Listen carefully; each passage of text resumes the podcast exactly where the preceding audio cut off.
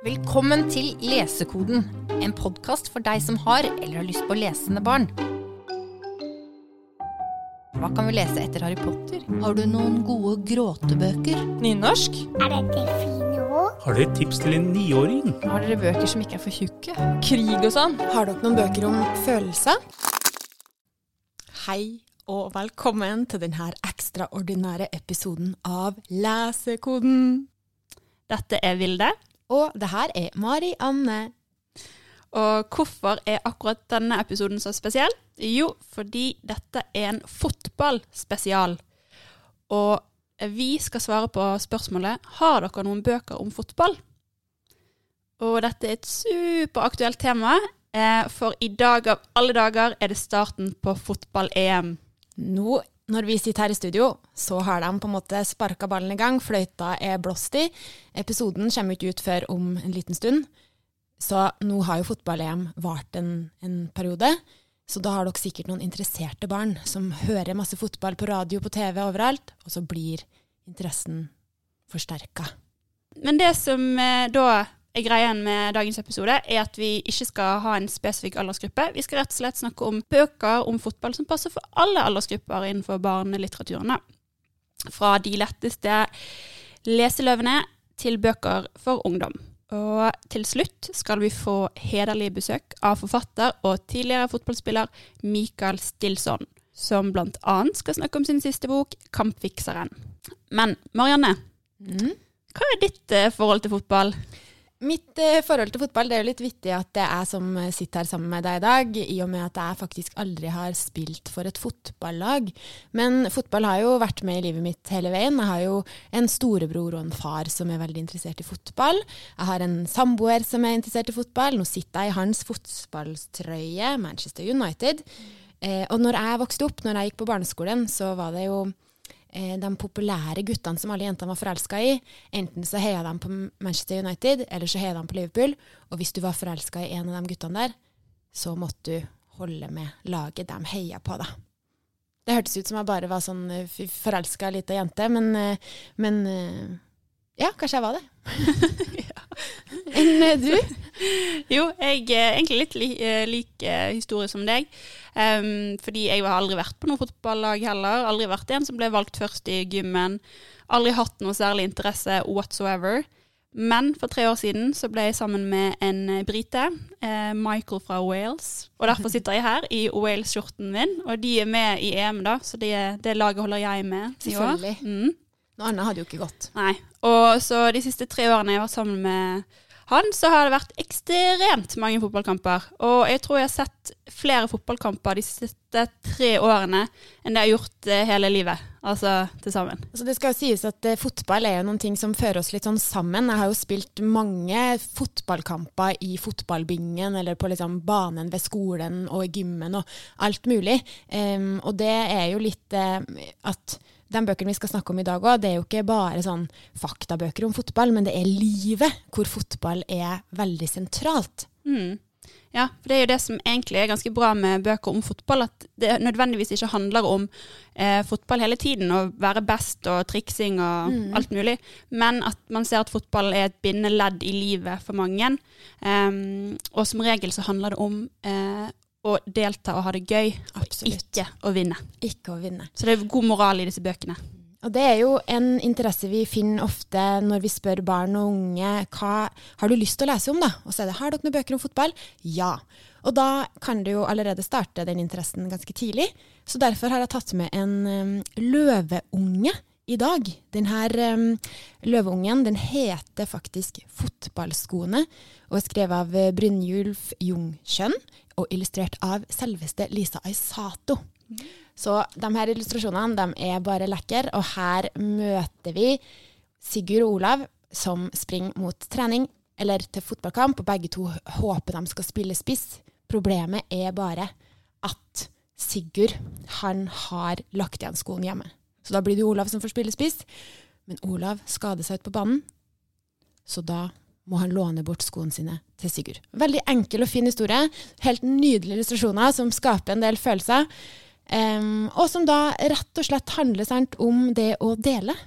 Um, og at uh, synd du ble skada, sier Sigurd. Kult det mål du skårte, sier Olav. Det er liksom, ja. Det er skikkelig, skikkelig fin. Leseløve der, altså. I store blokkbokstaver. Mm. Og en eh, lettlest bok som jeg eh, har tatt med meg, er 'Knotterud FK og skatten på mørkeloftet' av Lars Mæle. Og den er faktisk eh, Det handler ikke så mye om fotball. Eh, den er ganske spennende og morsom. Fordi, eh, som dere hører i tittelen, 'Skatten på mørkeloftet'. det er litt mystikk her. Og i boken så er det tre spillere på Knotterud FK. Og Knotterud er et ganske Det er ikke det beste laget. Så etter et nederlag så må tre spillerne, Jonny K, Renate og Sahir, de skal levere den årlige adventskonkurransepremien til Steingrim. Og Steingrim han er ikke hvem som helst, han er tidligere proff fotballspiller på Bodø-Glimt. Eh, og Steingrim er den største og ivrigste supporteren av Knotterud FK.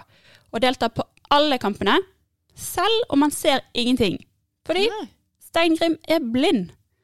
Eh, og det går mange rykter om eh, han fordi han bor i et gammelt kråkeslott. Eh, og det er snakk om en mystisk skatt på loftet til Steingrim. Så når eh, Knotterud-spillerne er på besøk, tar de sjansen i å lete etter skatten på loftet. Wow, der har Lars Mæhle truffet mange blinker her. Ja. Spenning og fotball. Eh. Og jeg, eh, og jeg syns det var ganske morsom eh, å lese selv. Jeg hadde liksom et smil på munnen hele tiden. Og særlig denne karakteren Steingrim. da. Jeg bare ser han så godt for meg. eh, En svær eh, tidligere fotballspiller som er blind og heier og heier. Det er liksom eh, magiske bilder i hodet mitt. Men eh, den er da eh, perfekt for de som har lært å lese, og er tilegnet seks til ti år. Perfekt. Jeg har med en, um, en annen bok som um, kanskje noen kjenner igjen. Det er Anneli Klepps serie om Lines verden. For nå har det kommet en helt ny, som faktisk heter Dynamittfotball. Um, der står det handler om fotball, venner i nød og hundebæsj på feil sted. For Line, det handler selvfølgelig om Line, er hennes verden. Hun vil være med på klasselaget når de skal spille fotballturnering. Men spørsmålet er jo er hun god nok. Så hun må forte seg og øve masse, og trenger hjelp fra bestevenn Alex. Men han er i kjempetrøbbel. Hvordan skal det gå? Line satser på mirakler og dynamitt. Og vi vet jo det at denne serien her, den er veldig poppis, spesielt blant jenter, og har mange, mange finurlige og morsomme, gjenkjennbare hendelser. Dette er den åttende boka om boka om Line. Og videre så har jeg tatt med Bønna og B-laget. Ja, det har du, vet du. Som er en serie av eh, Bjørn Sortland. Og nå skal jeg snakke om den første boken. For den handler da om en gjeng med venner som blir kalt for benkesliterne. Og som heller vil sitte hele dagen hjemme på sofaen med Xboxen. Det kan jeg skjønne. Men eh, en dag så får eh, moren til Bjørn, aka Bønna, nok. Bønna og vennene skal starte sitt eget lag, med pappa som trener og mamma som manager. Og det er forståelig nok eh, litt konflikter, og moral og stemning er litt eh, opp og ned. fordi de vet jo at de er det verste laget, og de skal opp mot A-laget, som er de mest populære og flinkeste på skolen. Og boken ender i en eh, kamp mellom A-laget og B-laget, eh, som eh, har en veldig bra slutt, med god, et godt poeng til slutt, så jeg anbefaler å lese den. Og ganske morsom. Foreldrene til han eh, Bønna er ganske morsomme. Eh, for moren er veldig pushy, mens faren er litt sånn humoristisk og gjør mye tull. Mm. Man skjønner seg litt sånn en litt sånn pinlig far og en litt streng mor, og kombinasjonen. Foreldreforbilder. Ja. Ta, ok. Jeg har um, Etter jeg liksom begynte å jobbe på, på, i Deichman, så um, fikk jeg meg en stor favoritt. Og det er Maria Parr om um, Lena Lid og Trille. De, eh, de finnes jo i det første boka 'Vaffelhjerte', og så er det jo 'Keeperen og havet' jeg skal snakke om nå. For her har Lena Lid og Trille de har blitt tolv år. For dere som kjenner dem allerede, så fortsetter på en måte historien, men det gjør heller ingenting om du starter på 'Keeperen og havet'. Der eh, er det mye drama og mye følelser. Her er Lena Lid. Hun er keeper. Og knallgod. men det er ikke noe rent jentelag i den lille bygda hun bor i, så hun spiller for guttelaget.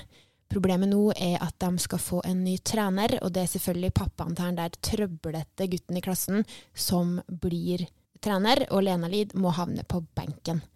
Denne keeperen og havet, det handler jo ikke bare om um, Det har jo havet i tittelen også, for det skjer mye andre ting. Det er jo livet til Lena Lid og Trille, som bor i den lille bygda, som opplever masse, som har en far... Eh, Trille har en farfar som er fisk, eller mye på sjøen og havet, og de skal bygge seg en flåte med den her nyinnflytta jenta som Trille begynner å bli forelska i. Så her hører du det er mye som skjer, men ordentlige karakterer du blir skikkelig glad i. En, en av mine storfavoritter. Veldig fint til høytlesning, men også fin å lese alene. Og så er det jo en annen serie som er veldig populær blant i hvert fall tredje, fjerde, femte og sjette klasse. Mm. For den har et stort, eh, stort spenn. Det er en verdens verste bok, og nå har vi kommet til verdens verste fotballag av Marius Horn Molaug, illustrert av Kristoffer Kjølberg. Altså, det her er jo tidenes eh, serie om Ruben og Kent. Det er humor på stort nivå, veldig sånn på spissen. Nydelige, spennende illustrasjoner som bare forsterker hele det humoristiske i boka. Og nå er det den årlige skoleturneringa i fotball som er, står for døren. Og rektoren her i Verdens verste, han er jo en skikkelig dust. Han er egentlig ikke glad i barn, så hvorfor han jobber som skolerektor, det er det ingen som forstår. Men han, um, han har et, rektoren har et veldig konkurranseinstinkt, og han um, er faktisk blitt litt Det er litt mistanke om at han har blitt forelska i motstanderens rektor, altså motstanderlagets rektor. Og Ruben og Kent de lager en plan som på ingen måte går på skinner, eller går som de har tenkt seg. Så det her er humor på sitt aller beste, altså. Den tror jeg jeg må lese. Ja. Og videre har vi noen flere bøker til mellomtrinnet. F.eks. 'Maradonas magi' av Arild Stavrum.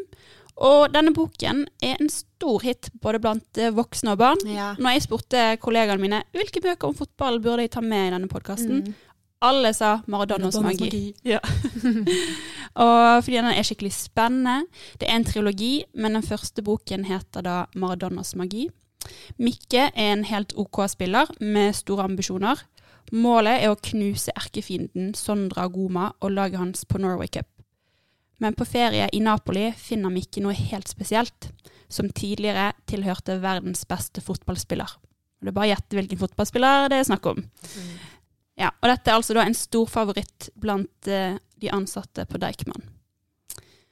Og videre så er det taklinger av Mikael Tørnquist, og her er det jente i hovedrollen som akkurat har begynt på fotballaget Udden FK. Hun heter Emma. Hun jeg tror ikke hun er så veldig god i fotball, men bestevenninnen Sara har overbevist henne om å bli med. At begge skal bli med på laget, det skal de gjøre sammen. Det blir gøy. Og kjapt så finner hun ut at fotball var faktisk veldig gøy. Ja. Og hun var litt flink. Ja. Um, og i, for, i forhold til um, bønne- og B-laget, hvor du har en mor og far som er veldig ivrige til å få barna ut og spille, så er foreldrene til Emma ikke så veldig interessert i fotballinteressene hennes. De er mer bekymret for hvordan hun har det på skolen. Og i boken så handler jo det om både taklinger på fotballbanen, men også i livet. For det kommer noen utfordringer som Emma eh, møter på i forhold til en venninne som heter Felicia, og hvordan Felicia har det hjemme. Og dette får vi vite etter hvert. Så det er igjen en bok der ikke fotball er hovedfokuset, men du ser hvordan fotball gir en ekstra gnist til hovedkarakteren, og er på en måte bakteppet da, for boken. Mm, det har blitt en veldig populær serie på Smestad, i hvert fall der jeg, der jeg hører til ofte. Så den um, anbefales. Vi har jo hatt flere episoder vi har lagt ut i lesekoden, og en av dem var 'Hvordan skal jeg få ungdommen min til å lese?' Og Der snakka vi om den interessen fotball, så da nevnte jeg 'Direkte rødt' av André Våler, som kom i 2018. Så tenkte på jeg skulle nevne den igjen, at det er en knallbok som handler om Jimmy på 13 som ønsker å bli fotballproff og komme inn på gutter 16-laget. Eh, det er liksom neste steget, det han jobber mot. Problemet er bare at han har et for hardt temperament. Han blir så irritert på banen, så han får mange røde kort og gjør en dårlig figur, sant. Han må jo oppføre seg pent på banen òg. Um, han har en støttespiller som er sin bestefar. Han har også en alkoholisert mor. Så det er mye drama involvert her. Det er um, parallelle historier, og den er bare en bok som handler ikke bare om fotball, men om liksom alt det vanskelige i livet. Og har blitt sagt at det er en, altså, en favorittbok blant mange sjetteklassinger. Hvis du går på deichman.no og søker opp Kampklar, så får du opp to titler. Den eh, første som kommer opp, det er hashtaggen, altså hashtag først, Kampklar, av Nina Rossing. Den kom i 2019. Her, eh, den her finner du på Unghylla, altså for ungdom fra tolv år og oppover. Og her møter du Anja. Anjas hverdag fylt med skole, fotball, russetid og forelskelse. Eh, hun er fotballdommer, og er en dag fotballdommer på en superviktig kamp. Og hun må dele ut et rødt kort til selvfølgelig bortelagets største stjerne. Og det er jo helt krise. Så nå, etter dagen etter, så blir innboksen hennes stappfull av trusler og netthets, og hennes liv blir helt eh, snudd på hodet. Hun har jo heldigvis eh, kampklare venninner, hens tittelen, eh, og sammen legger de jo en plan for å stå imot hetsen, men det er skikkelig brutalt og heavy, og en veldig aktuell, aktuell roman om alt som kan foregå på internett. Og på deichman.no så har en kollega av oss skrevet en anbefaling, og si det at den, eh, for den er den er veldig troverdig, eh, en velskreven historie om hvordan det er å være kvinnelig dommer i et, for det er en mannsdominert sport. Um, og skulle begynt å tenke sånn, hadde det samme skjedd om ikke det var en jente som hadde gitt det røde kortet, er det enklere å angripe Anja fordi hun er jentedommer. En kjempe, kjempespennende historie. Jeg fikk den anbefalt av kollegaen vår Pernille, som hadde likt den skikkelig godt. Den andre boka som har samme tittelen, 'Kampklar', det er en novellesamling fra 2014. Den står også på Unghylla. Her som jeg tidligere har snakka om i andre episoder òg, noveller. Her har du elleve noveller om verdens beste oppfinnelse, står det. Det er elleve ulike forfattere som har deltatt i det her. Arne Svingen, Lars Mæhle, Thomas Enger, Endre Lund Eriksen, Ragnfrid Trohaug og altså Brynjulf Jungtschøn er med her òg, og mange flere. Jeg sa jo det var elleve. Her er det noveller med glede, samhold, vennskap, eh, altså alt mulig som har med fotball å gjøre. Og så er det ganske kult at det er norske forfattere som har samla seg og skrevet hver sin novelle om sin lidenskap for fotball. Anbefales. Mm. Og det som er bra med novellesamling, er at det er oppmuntrende å lese. Kanskje for noen som syns det er litt vanskelig og tøft å lese fordi det går så fort. Og du har en god historie på kort tid. Det liker jeg veldig godt. Ja, absolutt. Nå har vi jo beveget oss over på Unghylla. Jeg føler at vi har gått i et nytt rom, for på Majorstua, der vi hører til, så, um, så er jo Unghylla i et eget rom. Eh, og da er det jo veldig naturlig å snakke om Mikael Stilsons serie. Bare spilleball var debuten, som faktisk ble kåra til årets beste ungdomsbok av U-prisen. Altså ungdommer sjøl har kåra den til, ver eh, til verden, sorry, til årets beste bok i 2019. Og, og begrunnelsen da var faktisk at ungdom de kjenner seg sånn igjen og kan relatere seg til temaet i boka.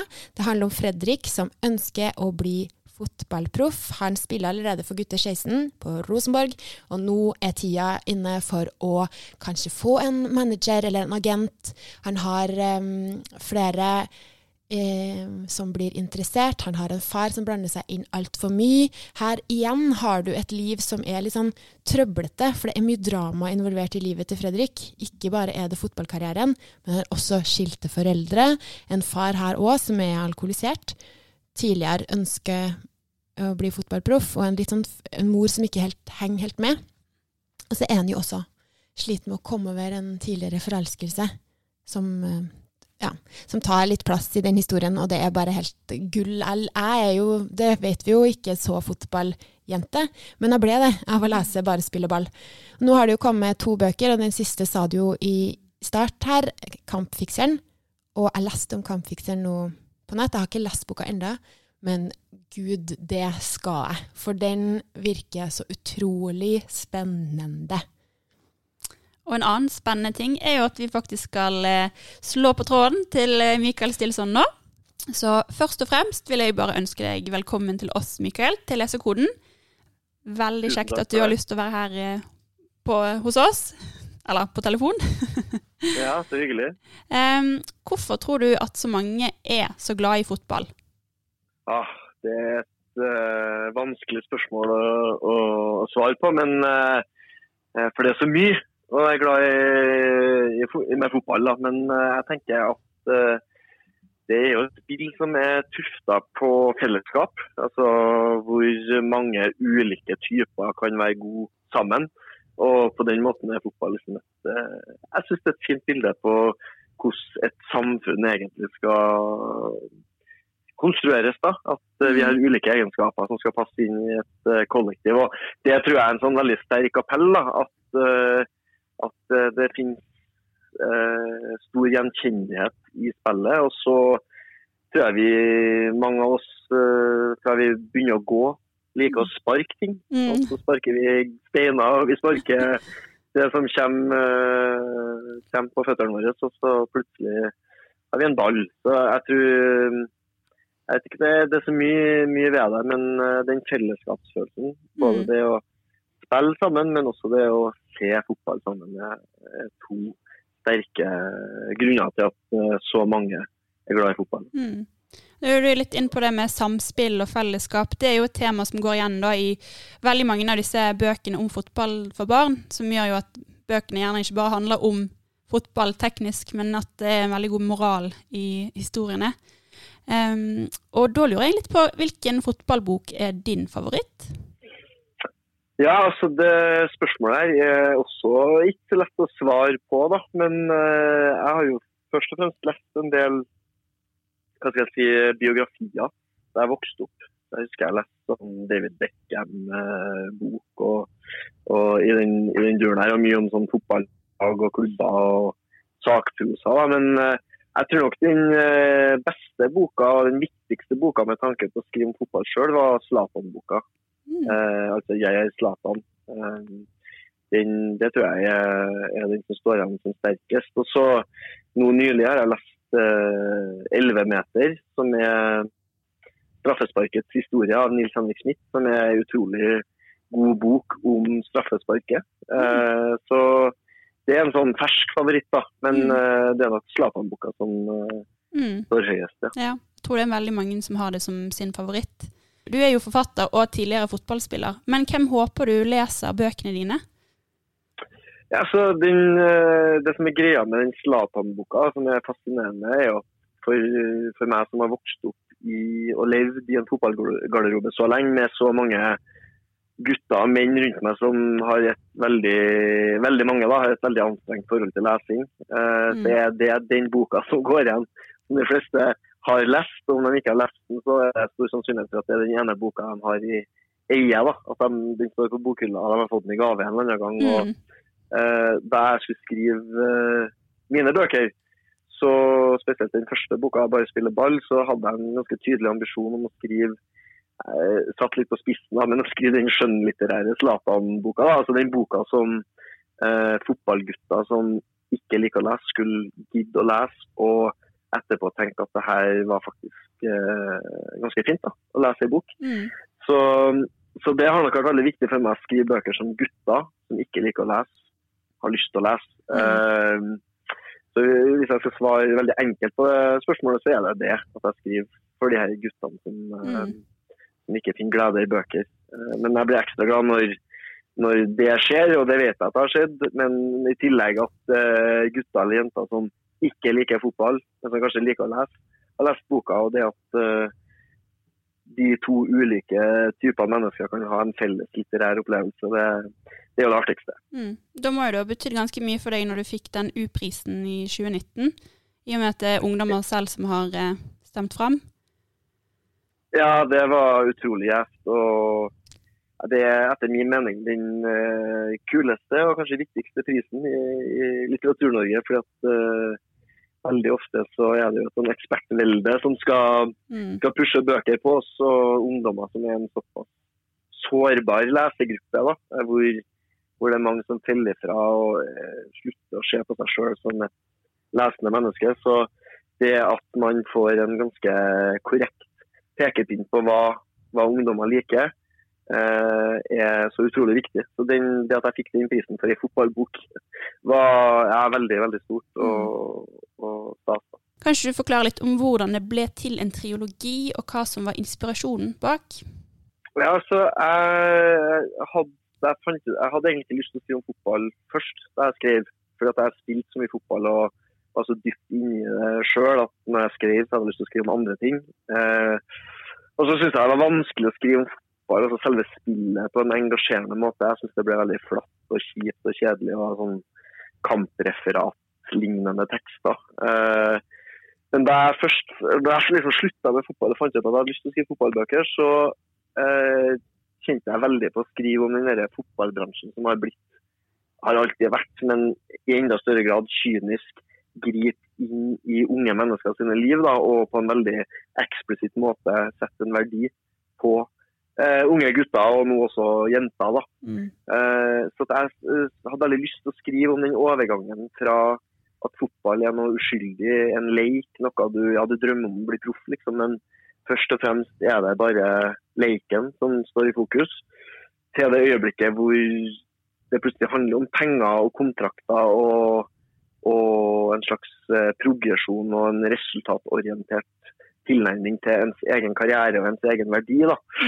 Og da hadde jeg et sånn helt løp. Da. da så jeg for meg han her 16-åringen som skulle liksom ta de stegene og bli, bli skikkelig proff, da, komme seg til utlandet og alt sånt. Uh, og så kunne man jo skrevet ei veldig veldig lang bok om, yeah. om hele den løypa der. Men uh, da hadde jeg en dyktig redaktør på den første boka som klarte å at jeg sier at uh, La oss starte liksom, å konsentrere historier. Uh, og Da ble det til denne uka i, som bare spiller ball Mm. foregår uh, gjennom ei uke. Eh, og det ble liksom starten. Da følte jeg, når jeg var ferdig med bare å spille ball, at her er det mye igjen å fortelle om den historien. Så da var det naturlig å tenke to bøker til, da, en trilogi. Og det passa fint med at det er progresjon i Fredrik sin karriere. Så ja, det var egentlig sånn det kom til. Og så er det jo alt som skjer i bøkene, og liksom hinta fra fra virkeligheten på et eller annet nivå. Enten ting jeg har opplevd sjøl, eller sett lagkompiser oppleve, og karakterer jeg har møtt på veien og i min egen karriere. Og ting som man vet skjer i fotballverdenen. Så, så Fredriks historie er liksom en, eh, en eh, rekke hendelser fra fotballen som er sydd sammen til hans historie. Og du har også skrevet en eh, tegneserie, Elastico, Um, og Marianne er superfan og lurer på om dette blir en serie, og om det kommer flere bøker. Ja, Det er et godt spørsmål. Jeg, jeg vet ikke. Jeg har så smått snakka med forlaget om det, og sånn, men eh, nå hadde jeg Da jeg var ferdig med den, så var det liksom kampfikseren og, og fullføre det som har stått i hodet på meg. Og så jobber jeg med et uh, barnebokprosjekt, uh, eller sånn uh, bøker for litt yngre lesere enn de ungdomsromanene som har skrevet. Ja. Så akkurat nå er ikke jeg noe sånn umiddelbar plan om tegneserie. og det kan, kan godt være at det blir, men jeg syns det, er- det var en artig prosess. Men jeg syns det er veldig deilig å bare kunne bestemme sjøl. Mm. Eh, og jeg, er jeg har jo ikke tegna sjøl, og jeg tenker ikke så visuelt på den måten. Eh, så det var et, et krevende prosjekt òg, definitivt. Men eh, det kan være. Men, men akkurat nå så er det litt andre prosjekter som, som jeg sysler med. Da. Ja, for det, det høres jo ut som du kommer med flere barnebøker om kanskje ikke så veldig lenge. Ja, det, det tar nok litt tid. Altså det, planen er å skrive en, eh, en serie for ja, den 9-12 aldersgruppa, som uh, ofte som best da, eh, om, om fotball, men kanskje litt mer sånn eh, i fantasiens eh, retning. For nå har jeg skrevet tre veldig realistiske bøker. Så eh, nå har jeg lyst til å leke meg med litt mer sånn litt, litt annet univers. Så, så får vi se om det blir. Jeg, jeg tror det blir, men det, i og med at det skal være flere bøker, så driver vi nå og jobber med å lande liksom, rammene for det universet i den første boka. Så jeg håper jo kanskje at det kan komme neste år, men uh, vi får se. Ja, men uh, vi gleder oss i hvert fall til å få inn det på bokhylla vår når enn det skal bli klart, altså. Det. Så bra. Men uh, ja, så det å være fotballspiller. Har du et tips til de som ønsker å følge fotballdrømmen, eller til foreldre som skal følge sine barn um, om ønsket om å bli fotballproff? Ja, altså Det er mange ting man kan tipse om der. Det, det opplagte er liksom at uh, du må trene veldig veldig mye for å bli så god at du kan bli fotballproff. Det krever at du forsaker en del ting. Men hvis du elsker helt med fotball, så er det kanskje ikke så mye å forsake. Da holder du på med det du syns er artigst i verden. Og jeg tror det er kanskje det viktigste tipset. At uansett så den viktigste faktoren for å gidde å holde på med fotball så mye og så lenge at du blir så god at du kan ta steg, er at fotball tross alt er en lek som du syns det er artig å holde med. Mm. Og eh, det, det, kan godt være mye alvor inni her, og det er noe som trigger oss når fotball er alvorlig. At vi har lyst til å bli gode, at vi drever av det seriøse. Men, men i bunnen så må det ligge at hver gang jeg spiller fotball, så har jeg det kjekt. Og hvis du har det, så, så har du gode forutsetninger for å kunne nå langt. Ehm, og Det tror jeg man glemmer ofte, at man blir så opphengt i liksom dere ambisjonene og målene at man glemmer av hvorfor man egentlig forelska seg i sporten i utgangspunktet. Og jeg tror, tror Hvis du ser på Erling Braut Haaland, som er vår største stjerne nå, og, og sånn, så se på han spille fotball. altså Han er fullstendig oppslukt av øyeblikket. Mm. Og det er en av de viktigste. Altså Han har masse andre sånn fysiske egenskaper, tekniske egenskaper og ting han har jobba hardt for men akkurat den evnen til å bare være 100 til stede på fotballbanen, uansett hva folk skriver om deg, uansett hva folk, hvor mange som er på tribunen og hva som står på spill. Uh, og det handler om at han har bevart den derre leiken. Mm. At han, han til syvende og sist spiller det spillet han elsker mest på jord. Og det, det, må man jobbe for å bevare, men det tror jeg er en veldig god start da, hvis du vil, vil bli god. Mm. Men eh, ja, for nå er det jo fotball-EM, um, og skal du se på? Og ikke minst, hvem skal du heie på? ja, jeg tror det, det blir, blir mye TV-titting uh, måten som kommer. Det er ikke alle som er like fornøyd med det Nei. Her hjemme, men jeg har datter på fem, da, som nå liksom har oppdaga litt gleden av å sitte og se fotballkamper. Så ja.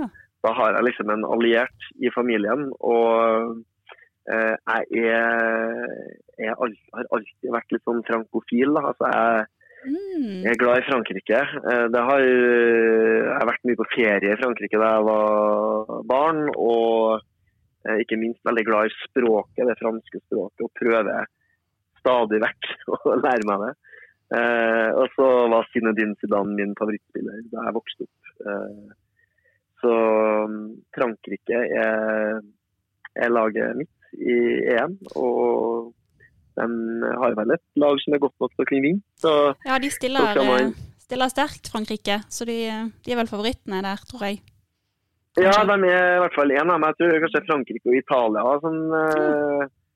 ja, ja, kan kanskje stå mellom dem. da. Mm. Eh, men eh, jeg holder klart på Frankrike. Jeg er veldig, veldig glad i dem. Jeg har, en, jeg har eh, bortedrakta fra VM 2018. Ja.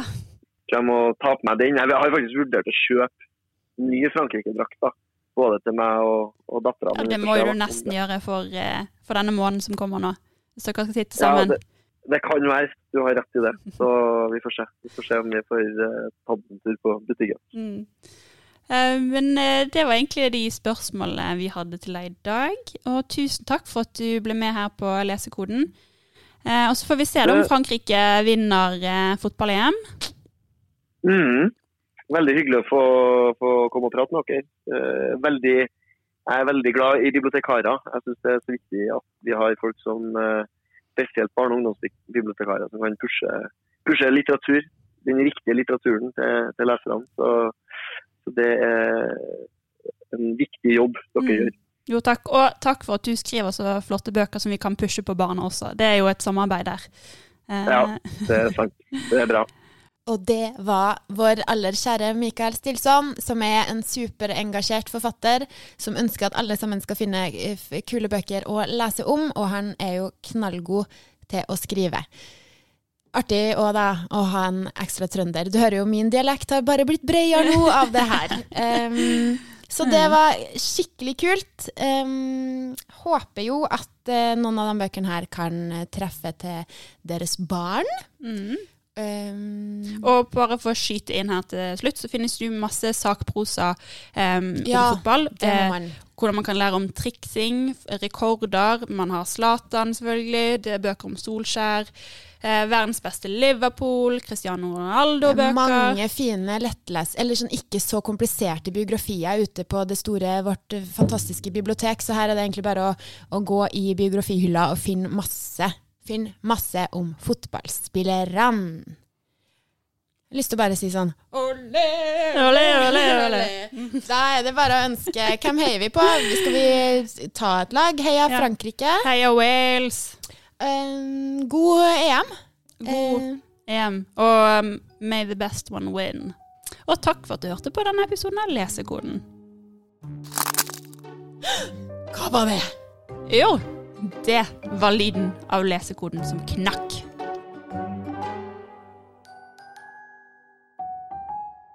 Dette er en podkast fra Deigman, Hele Oslos folkebibliotek.